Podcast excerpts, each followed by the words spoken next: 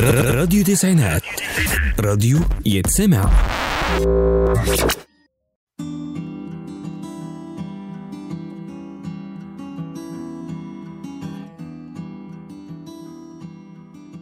يا مساء الفل على كل مستمعين راديو التسعينات معاكم سلمى الكاشف في تالت حلقة من برنامج بين الماضي والحاضر.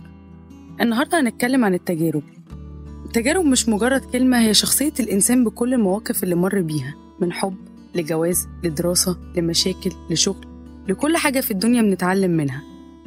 التجارب هي كل موقف سواء كان صغير أو كبير بنمر بيه وبيأثر فينا. تجارب الحياة هي العامل في شخصية الفرد وبتساعده على حل المشكلات اللي بتواجهه وبتعلمه إزاي يخرج منها. وغالبا التجارب بتسبب أثر فينا ولكن الإنسان القوي هو اللي بيتعلم من الدرس. الحياة عبارة عن تجارب بتعلمنا نشيل المسؤولية وبتعلمنا من كل موقف صعب مرينا بيه. إن إحنا نكون أقوى. لازم نجرب علشان نعرف وممكن نفشل أو ننجح.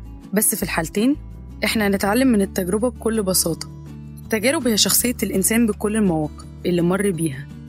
وفي نهاية حلقتنا أحب أقول لكم أوعى في يوم تيأس بفشلك. في أي تجربة في الحياة. إحنا عايشين عشان نجرب ونتعلم.